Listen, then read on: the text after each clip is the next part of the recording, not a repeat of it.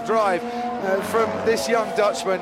Hamilton himself says he's excited about many more battles to come in the future. And we're excited about that as well. And on a day where he started on the front row, Max Verstappen, from the disappointment of Austin, has come to Mexico City seven days later and has really made it count. It is a third win in Formula One for the Dutchman. Max Verstappen wins the Mexican Grand Prix for Red Bull. It is another victory. It is another superb drive for Max Verstappen.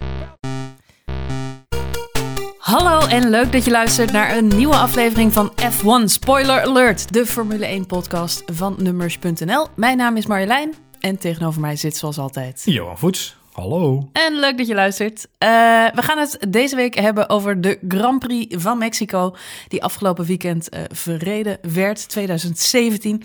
Hebben we het dan over. En. We hebben een overwinning. Derde overwinning, Max. Verstappen. We raken eraan gewend, hè? Ja, begon te wennen. Het, Ja. het, zag serieus, het, het, het, was heel grappig om te zien dat zowel bij Ziggo als bij ons op de bank thuis, als gewoon in heel Nederland, mensen wel een beetje, ook Max kwam een beetje in zijn flow. Dus iedereen was wel een beetje van, nou ja, get used to it, get used to it. Ja, ja. Ik zag eh Koen Zwijnenberg op Twitter, die, eh, die vroeg zich af... ligt het nou aan mij of is het toch wel een beetje een saaie race? En ik snapte zijn verwarring, omdat We het... gaan nu alvast klagen. Ja. Ja, nou ja, meer, en er waren meer mensen die het zeiden. En ik merkte het zelf ook op dat... eh, dit is natuurlijk een beetje hoe het gaat zijn... als Max Verstappen ooit wereldkampioen wordt. Ooit, ja. Ooit. Ja. Dan gaat hij à la Schumacher en à la Hamilton... zoals we dit seizoen een paar keer hebben gezien... Gaat hem zien. Hij gaat wegrijden bij de start. Ja. Je ziet hem de hele race niet meer terug. En aan het einde eh, ja, pakt hij eh, het hoogste Pakt plekje. hij, daar- pakt hij de, de, de eerste trede op het Dus podium. het, was in- inderdaad, wat Koen zei, het was niet de meest spannende race. Er zijn spannende races en toch Ja. eh, waren er genoeg leuke momenten. Ik heb veel saaiere races gezien. En dat, dat kwam natuurlijk met name al door de start. En Ja. het feit dat je toch triggered blijft. Wat gebeurt er met Vettel en Hamilton? Hamilton eh, werd wereldkampioen.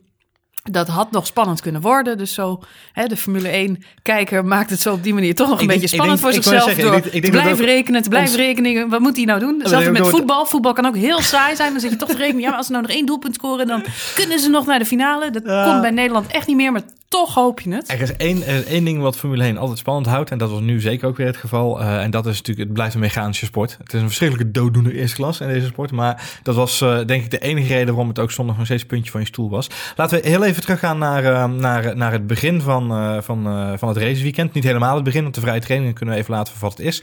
Die waren zeker voor Verstappen-fans niet heel erg spannend. Want hij heeft niet heel veel eh, eh, rondjes gereden in de vrije trainingen. De rondjes die hij reed samen met Ricciardo waren ze wel de snelste van het stel. En dat bevestigde een beetje wat de meeste mensen al dachten. Dat de Red Bull op dit moment misschien wel de allersnelste auto op, eh, eh, op het tarmac is.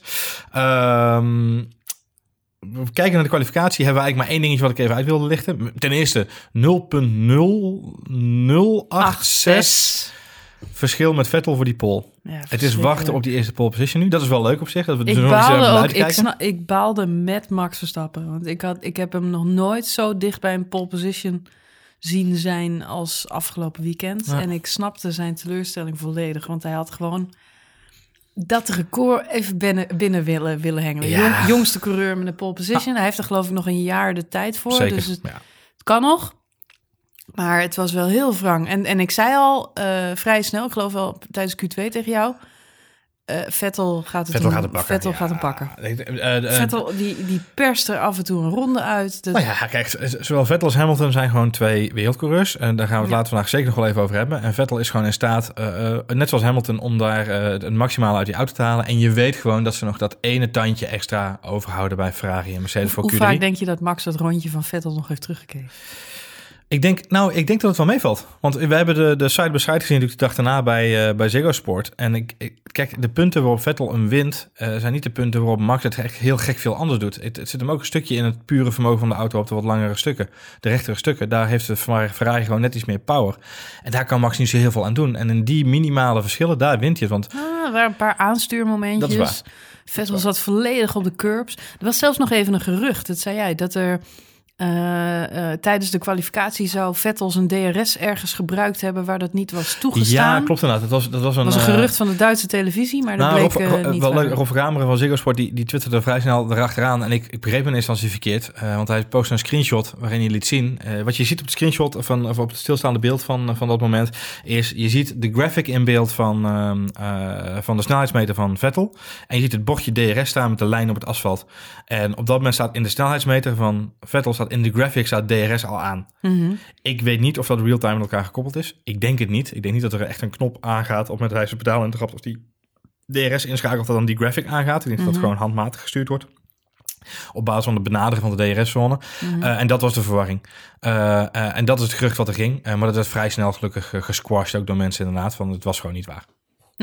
Kan ook niet, hè, want het wordt helemaal gereguleerd. Dus dat, eh, alleen als je Hulkenberg heet, dan kan je DRS ook blijven Nee, staan. en we hebben vorige race gezegd, we houden niet van gemanipuleerd achteraf. Dus eh, dat geldt ook voor andere coureurs. Ja, Eh. Vettel pakt gewoon een verdiende pole position.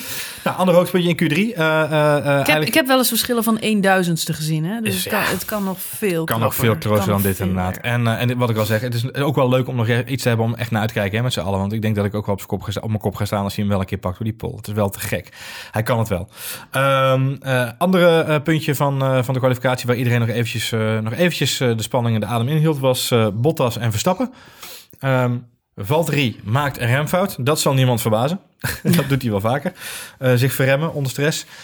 Maar hij, hoewel de boordradio stil blijft, blijkt al wel vrij snel dat, hij, dat er een claim is ingediend van Mercedes. Mhm. Dat Max Verstappen daar hem zou hebben opgehouden. Nou, we hebben die beelden, denk ik, met z'n allen 3000 keer teruggekeken. Ehm, Max kon ergens heen. Stuurt een klein beetje in. Eh, Mercedes roept allerlei eh, moord en brand. En eh, hij had ook naar de andere kant toe kunnen sturen. Want hij zit aan de vuile kant van de baan. Eh Valtteri moest achter hem blijven. Dus geen schone lucht.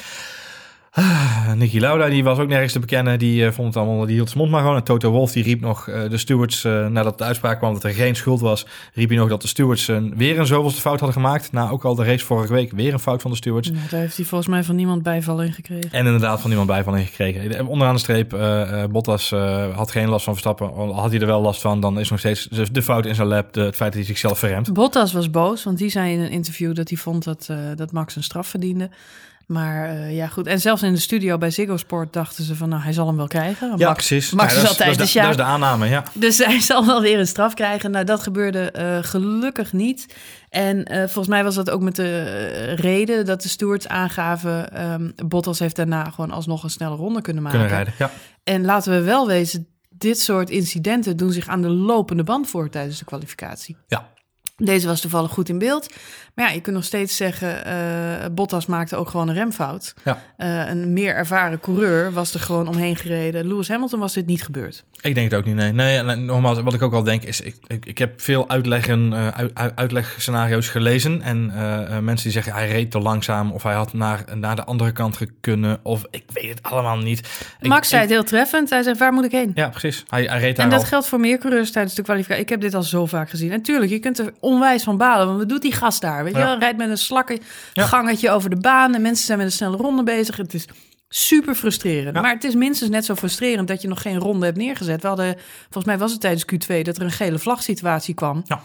Eh, en een aantal coureurs nog niet eens een rondetijd hadden neergezet. Begonnen Max Verstappen, ja. Ja, als de sessie op dat moment wordt afgevlacht, en dat hebben we met Max Verstappen ook al een keer meegemaakt, dan ben je, dan ben je Ja. ook de lul. Want Ja. dan, dan kun je überhaupt geen tijd meer. Met andere woorden, kwalificatie is één grote... eh, Russian roulette, zeg jij. ja, het is een ja. Russian roulette, inderdaad, in zeker opzicht. Dus je moet voor jezelf zekerheidjes inbakken. Eh, Bottas heeft daarna alsnog gewoon de kans gehad om een snelle rondetijd Ja. neer te zetten. We zagen, wat ik heel intrigerend vond, is dat Max er dus eh, noodgedwongen eigenlijk achter kwam. Dat hij snellere ronden kon neerzetten door twee Twee opwarmrondes maken, te Ja, doen. ja, ja, Dat vond ik fascinerend. Dat hij dus... eh, Ja, daar kwam je in Q2 achter, ja. dat, hij, dat hij in Q2 nog een keer de baan op ging en zei van... "Oh, met één rondje krijg ik de warmte niet in mijn banden, we moeten iets veranderen. Toen hebben ze in Q3 besloten, nou weet je wat je doet? Je maakt gewoon nog een keer die twee opwarmronden. Want als dat werkt, dan, eh, dan moet je het gewoon op die Moet manier nog een keer doen. Degene die Dus, dat niet eh, deed was Daniel Ricciardo. En die eh, finishte ook gelijk als zevende. Dus dat ging niet helemaal zo te worden. Nee, nou hebben we natuurlijk het hele seizoen al gezien... dat Daniel Ricciardo Max niet echt kan bijhouden. In de kwalificatie zeker niet, maar het verschil is nu wel extreem groot. Eh Ricciardo had natuurlijk hele goede vrije trainingen en eh, zat er eigenlijk goed bij. Uh, reed nog steeds met de oude motor. Uh, ja. Gaf dezelfde klacht als Max. Kreeg geen warmte in zijn banden. Uh, had ook wat problemen met zijn, met zijn motor, zei hij na de kwalificatie. En het, het, het verbaast mij dus ook niet dat ze na de kwalificatie besloten hebben om die motor alsnog om te wisselen. ja, een beetje jammer dat Renault's afstellingen niet... Met andere gevolgen inderdaad. Ik wou net zeggen, want dat was ook een soort Russian roulette. Nou ja, laten we daar straks nog even over hebben. Inderdaad, want daar is volgens mij nog wat heel anders aan de hand. Um, dan gaan we naar die eerste startrij toe. Vettel, Verstappen. En de laatste keer dat we dat vooraan hadden staan, zeiden we al in de laatste podcast van Singapore. Ik zit tegenwoordig uh, tegen het plafond tijdens de start. Want er gaat zoveel mis uh, in die uh, begin van het seizoen. We, hè, de starten, iedereen komt keurig de bocht door. En je merkt toch, ik, ik vind dat grappig hoor, maar Formule 1 in, tot de zomer is een hele andere sport dan na de zomer. Ja. En het is net alsof in de zomervakantie uh, de messen geslepen worden, zeg maar. En begin van het seizoen, iedereen is nog aardig en vriendelijk tegen elkaar. Je ziet het ook aan de coureurs die op het podium staan. Champagne douches, uh, schouderklopjes, het is allemaal leuk en gezellig. En eigenlijk in de zomerperiode begint het venijn uh, erin te komen. Ja. Dat zagen we van de zomer. Max had natuurlijk een rampzomer met veel motorpech. Maar ook een aantal keer aanvaringen met de Ferraris. Ja. ja, en nu was het weer. Alleen nu gaat het om een kampioenschap. Dus, uh, en Max is gelukkig al wat, uh, wat, wat ervarener. Wat ervarener en ja. realiseerde zich natuurlijk ook dat hij daar helemaal niks in te zoeken had. was gewoon snel weg, ja. gelukkig. Ja.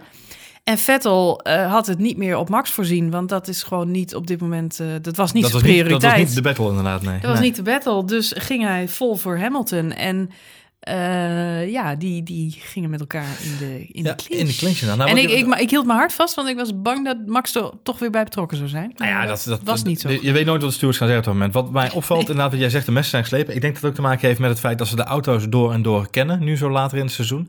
Um, uh, Lauda zei terecht over het kampioenschap ook van, uh, van Hamilton. zei hij van, joh, deze auto van Mercedes was gewoon niet de beste auto die we ooit gebouwd hebben. Niet de snelste, niet de beste, niet de breedste of de, de, de, de meest gelikte.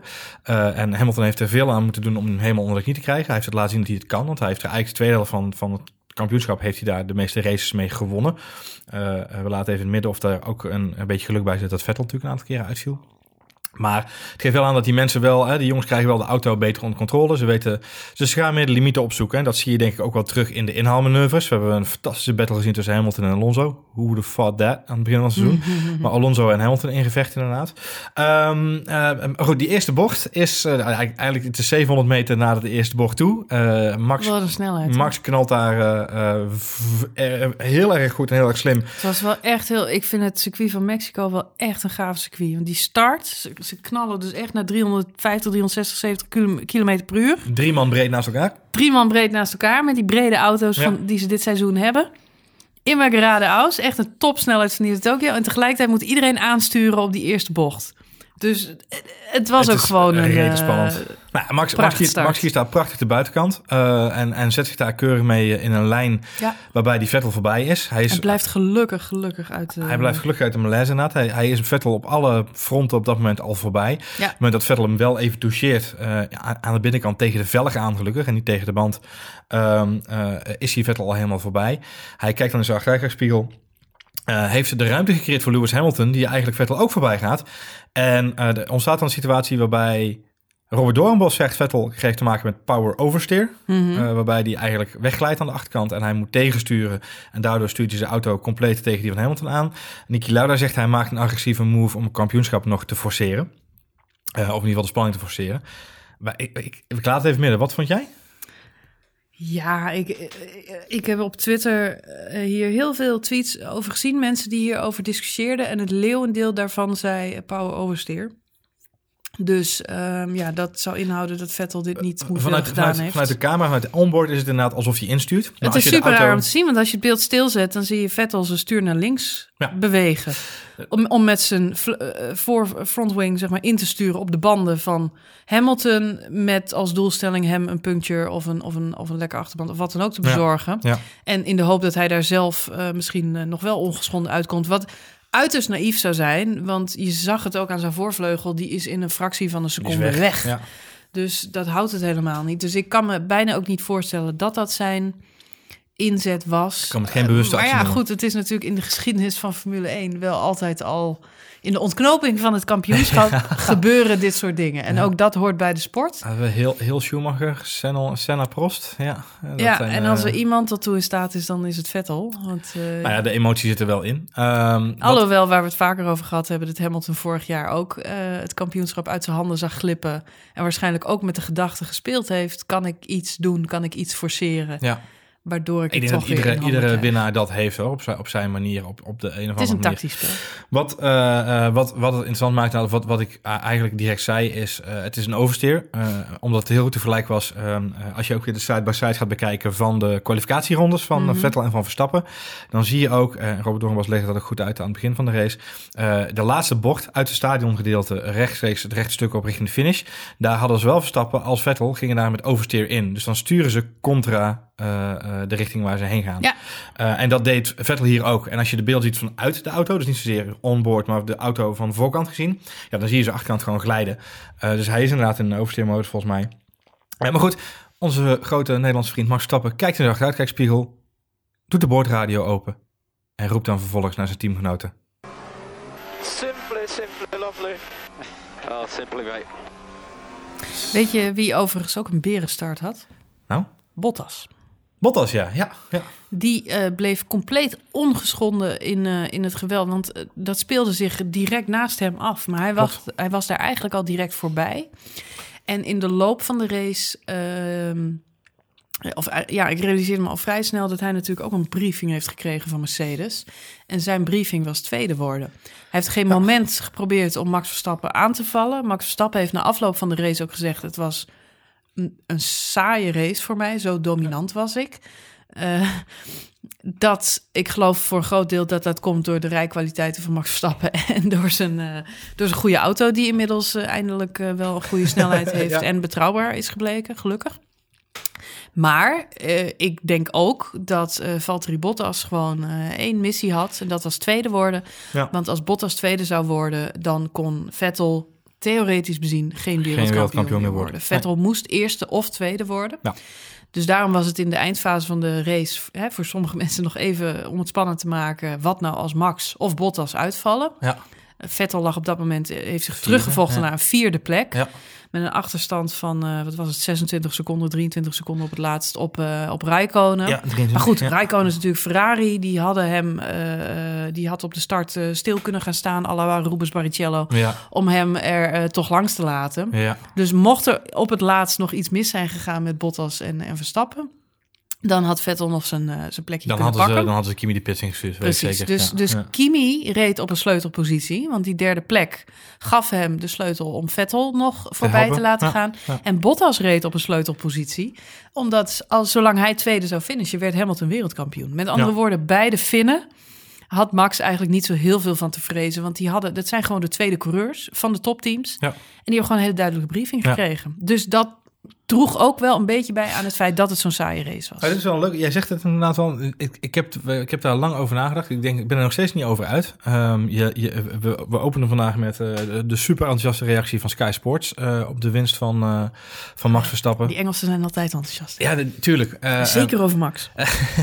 ik, denk, ik, ik, denk dat dit met de hele auto-industrie, de autosportindustrie, enthousiast is over Max. en dat heeft niks te maken met chauvinisme, maar gewoon met het feit dat het inderdaad iemand is die de limieten opzoekt, die weer spektakel brengt in deze sport. Um, maar ik heb me heel veel afgevraagd: is het nou inderdaad Bottas die uh, voorzichtig rijdt, uh, omdat hij die tweede plek wil bewaren? Is het Max Verstappen die zo verschrikkelijk snel rijdt dat hij, uh, dat hij baanrecord naar baanrecord aan, gort aan het rijden is? Of, of is er nog iets anders aan de hand? Um, overigens, Max was wel heel erg snel vandaag. Want van vandaag, tijdens de race, zijn team moest hem echt koest houden. Want hij reed gewoon echt het ene baanrecord naar het andere. En het mooie was dat op een gegeven moment uh, uh, de, de fantastische boordradio van, uh, vanuit de, de, de paddock, dat hij wat rustiger aan moest doen. en de reactie van Max is, is tamelijk briljant. Okay Max, so we're just going to want to cover Bottas's lap times at this stage. All right son, I'll take it easy. okay, so that was the same lap time as the previous lap, Max. Yeah, I'm, I'm really sorry. Goed, je kunt je dus afvragen, kijk, hij rijdt dus baanrecord naar baanrecord, Allah. Um, was Bottas nou aan het verdedigen of was er iets anders aan de hand? En ehm, eh, ik denk het volgende. Eh, en ik kijk eventjes met een schuin oog naar Hamilton, die alle moeite van de wereld had om Carlos Sainz voorbij te komen. Ja, wat daar aan de hand was. ehm, ja, ik sta, versteld. Ik snap wel dat, eh, dat. Kijk, voor Hamilton was het eigenlijk vrij simpel. Hij had de enige reden dat hij. Hij had ook de auto kunnen parkeren. Hij had ook kunnen zeggen van mijn auto is stuk en ik ga langs de kant staan. Dat was een te groot risico, want Vettel, je weet niet wat hij gaat doen. Hij kwam uiteindelijk nog terug naar een vierde plek. Dus uit de wedstrijd stappen eh, was geen optie. Maar ergens moet Hamilton wel gedacht hebben van nou, ik doe het gewoon rustig aan Ja. Ik ga niet lopen hannissen met die achterblijvers. Want dat zijn allemaal meloten. Fiat doet dan wel niet meer mee. Maar er rijden nog een hoop andere gekken rond. En die kunnen me gewoon met, een- met een rare move van de baan sturen. En dan ben ik mijn wereldtitel kwijt. Dus ergens moet Hamilton gedacht hebben... ik blijf gewoon achteraan rijden. Hij heeft, ik had verwacht dat hij na afloop nog zou zeggen... Ja, ik heb problemen met mijn autotoestanden. Ja. Heeft hij niet gedaan. Eh, was ook niet zo, want aan het eind van de wedstrijd... eh, ja, werd toch duidelijk dat hij nog tandje bij ging zetten. Want hij kreeg toch van het team te horen... Vettel is op Ja. P4 teruggekomen. Daar maakte hij zich ook heel erg druk om. Want hij informeerde regelmatig, waar rijdt Vettel? Nou, dat gaat hij nooit halen, want hij heeft 23 seconden op Rijkonen. Maar ja, eh, Hamilton zit ook in zijn auto te rekenen... en die weet niet wat er daar vooraan gebeurt. Die ziet die Ferraris niet eens. Nee. Die, die realiseert zich ook, als Bottas of Max stuk gaat... eh, en Rijkonen laat Vettel er langs... dan ben ik eh, alsnog niet zeker van mijn titel. En Ja. Hamilton had gewoon maar één doelstelling... ik moet zo snel mogelijk die titel veiligstellen. Ja. En ik snap het, maar ik vond het zo laf. Ik vond het, ik vond het des Rosbergs. Ja, dat zeg jij. Maar ik vraag het me af. Ik vraag me echt af, naar aanleiding van dat eerste stuk en, en de frustratie. Ik heb, ik, heb, ik heb ook toch getwitterd. Ik heb ook gezegd, Hamilton speelt nu toneel. Hij wil gewoon niet racen. Mhm. Eh, en hij kan het makkelijk als hij het zou willen, maar hij doet het niet. En ik, ik ben er nog steeds niet over uit. En ehm, het- het- ik, ik denk dat Renault ook een excuus zoekt. Eh, Even, even want het is een, Mhm. eh, give me some, bear with me voor, deze, Mhm. voor deze anekdote. Ehm, Renault, je kent ze wel. Dat zijn die Mhm. auto's met die rookwolkjes aan de achterkant. Ja, poef. Ehm, drie van de zes Renault-motoren deze race geploft. Eh, daarnaast, eh, eh, tijdens de vrije training en in de kwalificatie, ook bij Toro Rosso, alle twee de motoren poef. Ja. Met andere woorden, er zijn dit weekend vijf motoren van Renault een nekje omgedraaid. Mhm.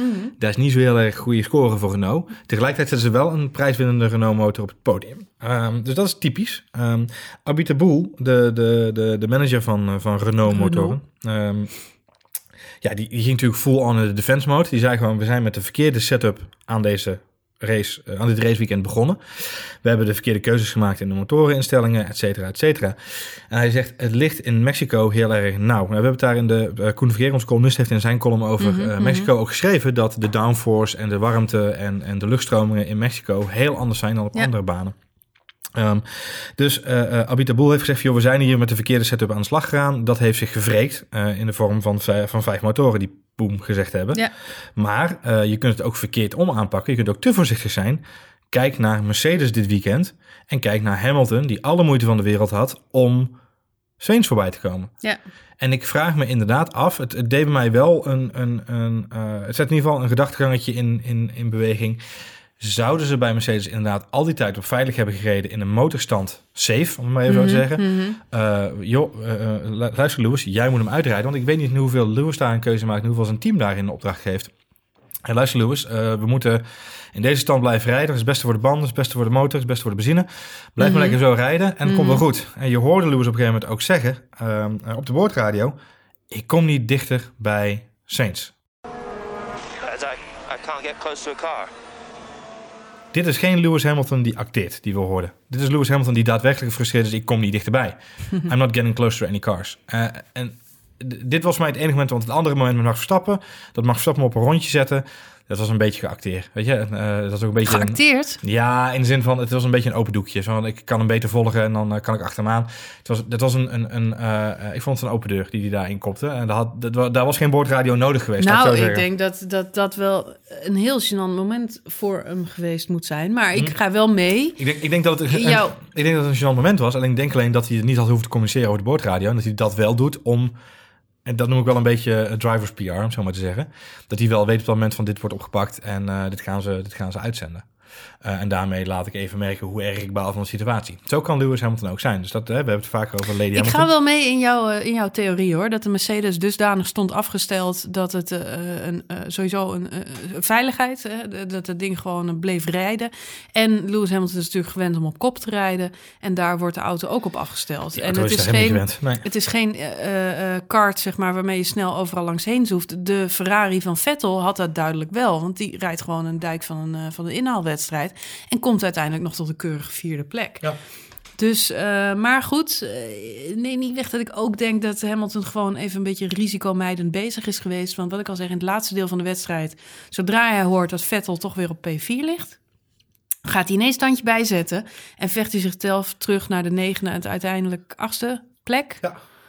Precies de plek die hij nodig heeft om verzekerd te zijn van het wereldkampioenschap. P7 zelfs inderdaad, ja. ja. Mocht er nog ja. iets misgaan eh, in de top drie, was Hamilton eh, met die punten eigenlijk toch sowieso Ja, hij was sowieso veilig op het moment dat hij de, Dus, de punten eh, inreed, was dus hij veilig. op het moment Ja. dat het moet, kan het ineens blijkbaar toch. Nou ja, maar dat is denk ik wel inderdaad een keuze geweest ook vanuit het team. Maar En goed, de vraag is, eh, joh, weet je, ik ben eh, heel lang fan geweest van eh Mika Hakkinen. Die is twee keer wereldkampioen geweest. Ja, En die moest het vooral de tweede keer ook hebben van, van, van, van mazzeltjes. En, Ja. en één puntje verschil, geloof ik. En zo word je ook wereldkampioen. ja, zeker. Zo is de sport. Ik, ehm, om, om te benadrukken hoe mooi het kan zijn, wil ik geen boordradio van, van Lewis laten horen deze keer. Maar wil ik eigenlijk het moment laten horen, want dat, dat raakt mij wel een beetje. Ik heb, ben geen grote Vettel-fan. Ehm, hoewel ik vind dat hij het fantastisch gedaan heeft bij Ferrari dit jaar, met het materiaal die hij heeft. eh, eh, en ik toch Het is wel een coureur die de sport spannend maakt. En ik hoe, denk hoe we ook een hekel aan hem En, hebben. en nou ja, goed. Ik, en, en wat ik ook grappig vind is, hij heeft echt wel zijn anger management cursusje voltooid. En hij heeft het goed volgehouden dit, dit jaar. Hij heeft ook een aantal momenten zichzelf laten kennen. Ja, juist niet, maar dat maakte... Nee, maar als- dat- moet je nagaan hoe saai het seizoen was geweest zonder Sebastian Vettel.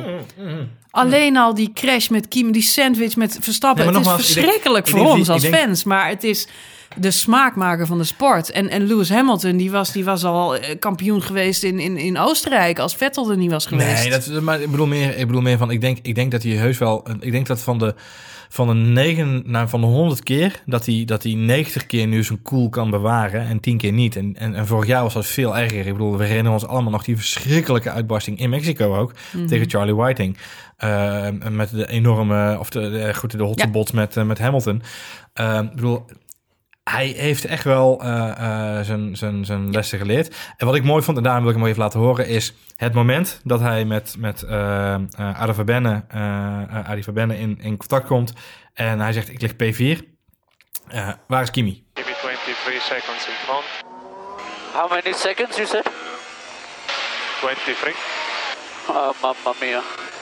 It's a little bit too much. Ja, en dit, dit vind ik... Mamma mia. Dit vind ik mooi.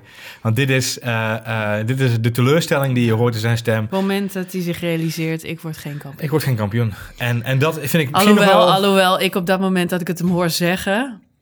eh, eh, subliminal messaging ook hoor... Mamma mia, eh, geef die gast een order. Zet hem stil. Haal hem de, trek hem de pits in. Nee. Extra bandenstopje. Nee. Laat me er langs. Nee, maar. Ik, wat eh Rashid Finch terecht tegen mij op Twitter zei... als ze dat gaan doen, als die teamorder er komt... dan doen ze het pas op het moment dat Max Verstappen of Bottas Bottas, kapot gaan Tuurlijk. dan pas wordt die order gegeven. Want eh, Vettel had natuurlijk ook totaal geen zin om daar met een derde plek nog op podium te staan. Nee, joh, naast en in die spotlight. Nee. dus eh, die was blij dat hij met zijn vierde plek in elk geval dat dat hem bespaard bleef. En daarnaast was het van Rijko natuurlijk ook gewoon een prima eh, eh, prestatie. Zeker. Alhoewel Rijkonen volgens mij geen idee had wat hij met eh, DJ Hart wel moest op het podium. Nee, volgens mij, want ik Kimi is natuurlijk van de Metallica, dus die, die, die was natuurlijk ik helemaal heb aan de verkeerde zo plek hard gelachen om die gif. Ja, Dat hij nog gewoon die fles champagne aan zijn mond zet. achterover. Terwijl Hart wel een, geloof wat, het, wat was het onderschrift? Het moment dat... De DJ en klootplaten rijdt. precies. Ah ja, ehm, eh, voor Max... Nog even over, de, over, over die show na afloop. Want daar waren natuurlijk ook een hoop uh, ja, ophef over. Je bedoelt de show van, van Lady Hamilton? Die, Lady Hamilton. Die alle lessen van Usain Bolt uh, ging toepassen. Run, en, uh, Forrest, run! Precies. Run! En ik, vorige week heb ik Usain Bolt gesproken. Ik moet zo hard lopen. Ja, gewoon snel ik zat, iedereen. ik zat een beetje met story. Ik heb, het is natuurlijk super mooi. Ondanks, ik ben geen fan van Hamilton. Maar het moment dat de coureur wereldkampioen wordt... Eh, ja, dat is natuurlijk wel waar het hele seizoen naartoe leeft. En, Ja. en het is super spannend als dat pas in de ra- laatste race eh, gebeurt. Maar eh, ja, goed, het komt nu eerder en dat, dat moment mag gevierd worden. En geen mooiere plek misschien wel dan hier in Mexico. Want Eens. het fantastische honkbalstadion met Ja. al die mensen. En, en ze hadden echt hun best gedaan om daar uit te pakken. Ja. Ik vond alleen als kijker het allemaal behoorlijk rommelig overkomen. Ik snapte er helemaal geen snars van. Het was natuurlijk voor Hamilton ook niet zijn, zijn gedroomde race. Nee. Hij heeft eigenlijk voor, waar we het net al over hadden, voor, voor, voor Jan Doedel met de rode lantaarn gereden. In het eerste deel van de wedstrijd. Uiteindelijk heeft hij nog een paar mensen gepakt, maar Ja. het was alles behalve glamorous. Hij is op een ronde gezet door, door een jongen van 20 die de race wint. Eh, hij heeft na afloop heeft hij nog verklaard dat Max Verstappen zijn grote concurrent is voor 2018. Ja. Eh, Max op zijn beurt heeft over Hamilton gezegd... nou, hè, Hamilton kon er ook niks aan doen. Zijn auto had waarschijnlijk schade. Zijn setup was niet goed om achteraan te rijden. Dus hè, geef die jongen wat credit. Hij is wereldkampioen. Dus Precies. met andere woorden, de twee zijn uiterst beleefd... en uiterst sympathiek geweest eh, naar elkaar. Heel Ja. netjes. Maar ja, de, ehm, geen overwinning. Hij stapt uit die auto. Er komen allemaal mensen op hem afgerend. En hij besluit ook om te gaan rennen. Ja. Wat, wat super raar is. Ja. Hij wist volgens mij zelf ook niet wat hij met Hij zichzelf had aan volgens mij moest. geen idee inderdaad. Dan Hij had daar- geen idee. dan staat Dus David Coulthard daar met een microfoon. ja, daar was, Oh, hij ook niet, daar was hij ook helemaal niet klaar voor. David Coulthard was daar ook niet klaar Maar voor. niemand was daar klaar voor. Want het deed was hij heel ongemakkelijk. Ja. Je weet van Hamilton, die moet eerst even zijn helm afzetten, zijn neus poederen, eh, zijn make-up opdoen, zijn oorbelletje indoen. Ik Zijn weet niet wat hij... in. Ja, precies. Hij moet van alles regelen, Ja. dus die kun je niet meteen interviewen. Daarnaast eh, was hij gewoon, denk ik, echt overmand door, door emoties. Hij rende weg. Door emojis, ja. Ja, en, eh, en, eh, en eh, uiteindelijk rent hij ergens de pitstraat in. Daar staat een mevrouwtje met een dienblad met champagne. Dan Die geeft je een hij, dikke zoen en een glas champagne. Ja. pakt hij een glas champagne en dan rent hij een of andere pitbox in. En, dat was... En dit is eigenlijk een omschrijving van een gemiddelde dag van Lewis Hamilton. Hij rent een rondje de pitbox in, pakt een glas champagne, geeft een vrouw Nou, ik een heb, zoen en ik gaat heb douchen. zelden, want het zijn, zeg maar het moment dat hij die helm van Ayrton Senna kreeg, was Ja. dat in Silverstone? Nee, ja. Dat, eh, dat, Nee, was, Canada, Canada. Dat was emotioneler Dan dit. Ja. dan dit. Dit was een hele rare Maar ik, actie. heb, ik heb het gevoel dat hij dat zelf ook een beetje zo gehouden heeft. Ik denk dat zijn actie om weg te rennen ook bedoeld was om dat vooral allemaal weg te houden van het publiek. Eh, want wat je zelf zegt, hij is een regisseur. Hij houdt zelf graag Ja. regie in handen. Ja, hij, hij wist bij God niet hoe hij dit wat, moest ik, regisseren. wat ik vervelend vind eh, eh, voor iedereen die dit heeft moeten aanschouwen, is één, Dave Coulthard had daar niet hoeven staan, want het sloeg nergens op. Maar twee, had iemand tegen Lewis Hamilton kunnen zeggen dat hij gewoon dat deurtje door had gekund, achter bij het, bij het podium, bij het honkbalstadion, kun je een hekje door, dan ben je in de pitstraat. Wat In ik plaats niet, daarvan loop je de halve, de halve circuit terug. Het is, het, is geen, het is geen marathon van Mexico. wat ik niet begreep, maar goed, misschien wist hij dat wel, is dat hij, eh, de, de, hij liep En weg. zijn moeder staat daar. Ja, zijn moeder stond te wachten en, en er waren allemaal dingen. met de pet. Iedereen stond voor hem klaar, maar hij besluit inderdaad om weg te rennen en ook weg van de camera. Maar goed, hij zal zich op dat moment ook gerealiseerd hebben: ik heb geen podium. Hij stond niet op het podium, dus Nee. hij, hij kon niet met champagne spuiten. Hij kon, zwaaien, geen, Max. Ja. hij kon geen selfie maken. Hij, hij, hij was, Bieber was er niet bij. nee, hij wist duidelijk niet waar hij heen Geen moest. pussycat doll Wat in de omgeving. Wat zijn momentum was om, om te snappen of te Instagram of wat hij nou moest doen. Dus besloot hij maar te gaan rennen, Nee. wat, wat een hele rare setup was. Jensen Button deed ook ooit. Hè. Die, die, die, die liep ook het halve circuit nog een keertje af in een marathon. Dat hij tegenwoordig voor zijn lol in een Ja. Ironman competitie. Nou goed, misschien maar, was dit wat minder glamorous, omdat je ook altijd een beetje eh, bang... Ik ben- word altijd bang als ik zoveel mensen ineens eh, de, de baan op zie rennen... of een voetbalveld of het, wat was, dan ook. het was ook wel heel veel Het was heel Ja. intimiderend en je was bang dat hij getackled zou worden... of dat iemand hem voor zijn bek zou Losten ze slaan. zelf of op, ze tackelden elkaar. ik weet- Ja. Ze tackelden elkaar uiteindelijk, maar het, het was gewoon een ongemakkelijk beeld... Ja. omdat je je oprecht zorgen maakte over Het was een hele awkward eh, einde van, Ja, van een race ja, en een ja, ja. awkward einde van een kampioenschap. Nou ja, goed. Maar het maakt we er kunnen, niet uit. We kunnen wel vaststellen, Lewis Hamilton terecht kampioen. Ja, terechte wereldkampioen. Vierde titel verdient hij denk ik ook. Want een van de beste coureurs van, eh, van zijn generatie. Ja. En de vraag is 2018, eh, zit er nog één in voor Mercedes? Wordt het Vettel? Of, wordt denk je dat eh, Verstappen al mee kan gaan doen? Ja, dat ligt aan de auto, hè? Ja, dat ligt aan de auto. Dat ligt allemaal aan de auto. Eh, ik, eh, ik vond het in elk geval erg leuk eh, dat hij weer een, een race gewonnen heeft. En, en met En, verven, ja. ja, en er waren mensen die zeiden van... Goh, Hamilton die steelt de show. Maar ja, kom op jongens, hij is Hij is wereldkampioen. wereldkampioen, hij mag de show stelen. Dus als Max wereldkampioen is en hij wordt eh achttiende... dan gaan we ook... Gaan we ook met z'n allen op het podium staan. ja, precies. Zetten Dan we DJ hopelijk- Hardwell en Armin van Buren neer. hey, ehm, eh, gaan- Hopelijk is Kimi Räikkönen er dan ook nog steeds bij. Kimi Räikkönen, ja, dat zou lachen zijn. Dat zou direct zijn. Overigens, Kimi Räikkönen, ik zeg het niet graag... maar hij is wel een beetje zijn mojo aan het kwijtraken. Nou, het viel mij op. eh, dus de, de post-race interviews, dat is heel belangrijk. Eh, goed ook om te weten voor volgend jaar, als hij weer, eh, weer meedoet. hij Eh, ziet er moe uit. Nou, Kimi zonder zonnebril heeft daadwer- daadwerkelijk een breder vocabulaire dan Kimi met, Met zonnebril. zonnebril. Dus David Coulthard was ook een beetje verrast dat Kimi in één keer in volzinnen begon te praten. Dus je zag echt zo, oh, Kimi, ben je nuchter of zo? Eh, dus het- was heel goed dat Kimi inderdaad die fles champagne achterover gooide, want iedereen was een beetje geschrokken van een nuchtere Kimi. Niet Kimi die denkt natuurlijk, het zit er bijna op. Het is bijna vakantie. Ja joh, dat denk je na elke race. het is bijna klaar. Volgens mij, volgens mij heeft Kimi twee, te- Ki- Kimi twee bidons in zijn, eh, in, zijn, eh, in, zijn, in zijn auto zitten. Eentje met wodka en eentje met water. En zo rond, rond de helft van de race gaat hij switchen van, van water naar wodka. Nee, Maar je kunt zeggen, weet je, hij doet wat hij moet doen. Hij reed zijn derde tijd. Zeker, En zeker. hij houdt de auto heel. En hij is misschien niet snel. Maar goed, hetzelfde geldt voor Bottas. Nou ja, ik denk dat hij wat zich... Ik, ik, ik, noem hem, ik noem hem al heel de, al sinds eh, eh, de vorige race noem ik hem gekscherend eh, Rubens Rijkonen. Eh, of Kimi Barrichello. Het is, het, hij is echt duidelijk gaan settelen in die tweede coureursrol. Ehm, wat ik heel jammer vind, want ik denk dat hij absoluut, net zoals Alonso, nog heel veel in zich heeft om gewoon ook om de prijzen mee te racen. Eh, als hij de... ik als zie hij de, bij Kimi totaal niet eh, dat hij daar de Je, drive je nog ziet de heeft. drive niet. Nee, Nee. Ja, nou. Nee, bij Maar- Alonso wel.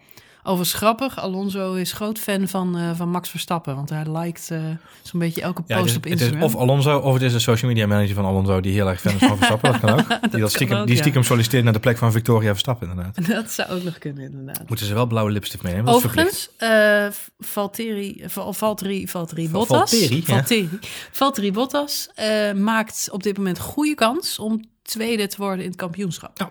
Dus Vettel moet zelfs nog uit gaan kijken dat hij... niet gewoon op de eh, derde plek terechtkomt. dat hij op Ik de denk dat het een, terechtkomt. eerlijk gezegd een worst zal wezen. Niet Alexander Worst, maar een worst op zijn Duits. Hmm. Ehm, want ik denk dat het hem er echt niet uitmaakt of hij nou eerst of de- tweede of derde wordt. Nee, ik denk het Ik weet niet of er nog geld aan verbonden is. Vast wel, maar ja, dat is hetzelfde met de snelste raceronde. Christian Horner heeft ook gezegd, we hebben een bonus intern voor de snelste raceronde. Eh daar gaan ze mee stoppen, want eh, Max Verstappen hadden ze, hebben ze aan de, aan de lijn moeten houden de hele race. Omdat hij natuurlijk eh, vanuit zijn cockpitje met zijn armpje op de zijkant van zijn auto eh, eh, en met één handje aan het sturen eh, zag dat eh, Vettel de snelste raceronde Ja. reed. En er zit een geldbonus aan de snelste raceronde vast. Dus eh, nee Max, niet sneller rijden. Die euro's komt wel goed. Allemaal, eh, die, die bonussen zal ze gestolen worden. Die jongens verdienen genoeg geld. Hey, ehm, eh, nog twee races te gaan. Yes. Eerste stop is nu Brazilië. Dus iedereen Ja. blijft lekker weer in, eh, in eh, Amerika en Zuid-Amerika hangen. Noord-Amerika, Zuid-Amerika. ja, Max, blijven ze allemaal daar? Max is op dit moment in Las Vegas. Echt waar? Is die donut van het draaien op de parkeerplaats van, van Caesars Palace. Daar is een klein circuit ooit aangelegd. Hè? Dat meen je. Dus daar is een hele grote sport, aut- autosportbeurs aan de gang. En Max is daar de closing star. Hij geeft daar een korte, korte presentatie en een demonstratie. Wat grappig. En daarna gaat hij in de RB7, dat is de auto van Vettel uit 2011. De kampioensauto eh, met de grootste aantal pk's en, eh, en dus het hardste geluid. Ehm, gaat een paar donutjes draaien eh, voor het publiek. Hartstikke leuk. Dat is een mooi bruggetje naar een ander belangrijk event wat nog even plaatsvindt deze week. Eh, dat geluid met name. Dat is namelijk een speciale F1 Strategy Meeting. Eh, daar zouden we normaal gesproken in een podcast no- nooit heel lang een sectie over kunnen hebben, denk ik. Ehm, maar misschien wel interessant om mee te nemen. Want afgelopen weekend kwam al naar buiten dat Ross Brawn... we kennen hem allemaal van zijn rolmaat bij de bargeboard van Schumacher... Ehm, ehm, eh, heeft aangegeven dat hij eigenlijk wel voorstander is van het snellere doorvoeren van die nieuwe motorreglementen. Mhm. Eh, daar zijn de teams het nog niet helemaal mee eens. Eh, misschien behalve mensen die nu met een Renault rijden. Ehm, maar ehm, eh, hij heeft wel aangegeven dat de meetings die deze week en volgende week plaatsvinden erg belangrijk zijn voor de korte toekomst, de korte termijn voor Formule 1. Hij wil de sport graag naar een hoger niveau tillen. En dat willen ze doen. Dit is grappig. Ze willen de sport naar een hoger niveau tillen door techniek en geld te gaan reguleren. Mhm. Dan worden eh, Mercedes en Ferrari mogen minder geld gaan uitgeven, waardoor de kleinere teams ook meer kans maken. Ehm, daarnaast willen ze, en dat is natuurlijk wel logisch als je Ross Brawn als technicus op een plek zet eh, als bestuurder, willen ze zelf de technische regels mee gaan bepalen. Nu is het op dit moment zo dat alles eigenlijk gedaan wordt van de stuurgroep vanuit de Formule 1 eh, teams. Dus er zijn mensen die bij de teams werken, die helpen werken samen met de FIA eh, of de F1-organisatie om die regels te bepalen. En Ross Brawn heeft gezegd, daar moeten we mee ophouden, want bij elke andere sport bepaalt de bond de regel. Eh, dus waarom doen wij dat niet eh, gewoon wat harder van bovenaf opgelegd? Dus dat is een van de dingetjes die ze gaan doen. Maar het belangrijkste is, en daar komen we op het geluid, Ross Brawn is not impressed with the hybrid motors. Hij wil meer geluid. Want meer geluid is meer emotie. Ja, nou, daar heeft hij ook wel gelijk in. Ja, dus eh, eh, daar gaan ze dit, deze week en volgende week eh, hard over vergaderen. F- feit is dat de hybride motor, de elektrohybride motor die ze nu hebben, daar zijn ze niet zo heel erg van onder de indruk. Het geluid daarvan is niet naar wens. Daarnaast is hij nogal duur. Ross Brown heeft aangegeven dat op dit moment die motor twee keer zoveel geld kost als de motoren die ze hiervoor gebruikten. Hij zegt er met name voor de, voor de kleinere teams is dat natuurlijk een ontzettende kostenpost als ze die motor moeten vervangen. En dat is een regel. Bij het invoeren van deze regel hebben ze nooit stilgestaan bij die kosten eh, die erbij kwamen. Eh, want op dat moment leek het wel mee te gaan vallen. En nu zie je met de innovatie die ze dus twee, drie jaar later nu doorvoeren, dat die kosten veel meer hoger zijn opgelopen dan ze gedacht hadden. Eh, nou, to be continued. Nieuwe eigenaars van de Formule 1, nieuwe mensen op nieuwe plekken. Dus inderdaad heel veel verandering. Mhm. Nou, laatste stopje voordat we gaan afsluiten dan. Misschien nieuwe mensen op nieuwe plekken is Williams. Mhm. Want daar is de welbekende stoelendans nog steeds in volle gang. Mhm. Jos Verstappen wordt genoemd nu bij Williams. nee. ehm, Hij heeft nog twee kinderen, hè? ja, precies. Eh, Victoria gaat ook racen, zou me niet verbazen.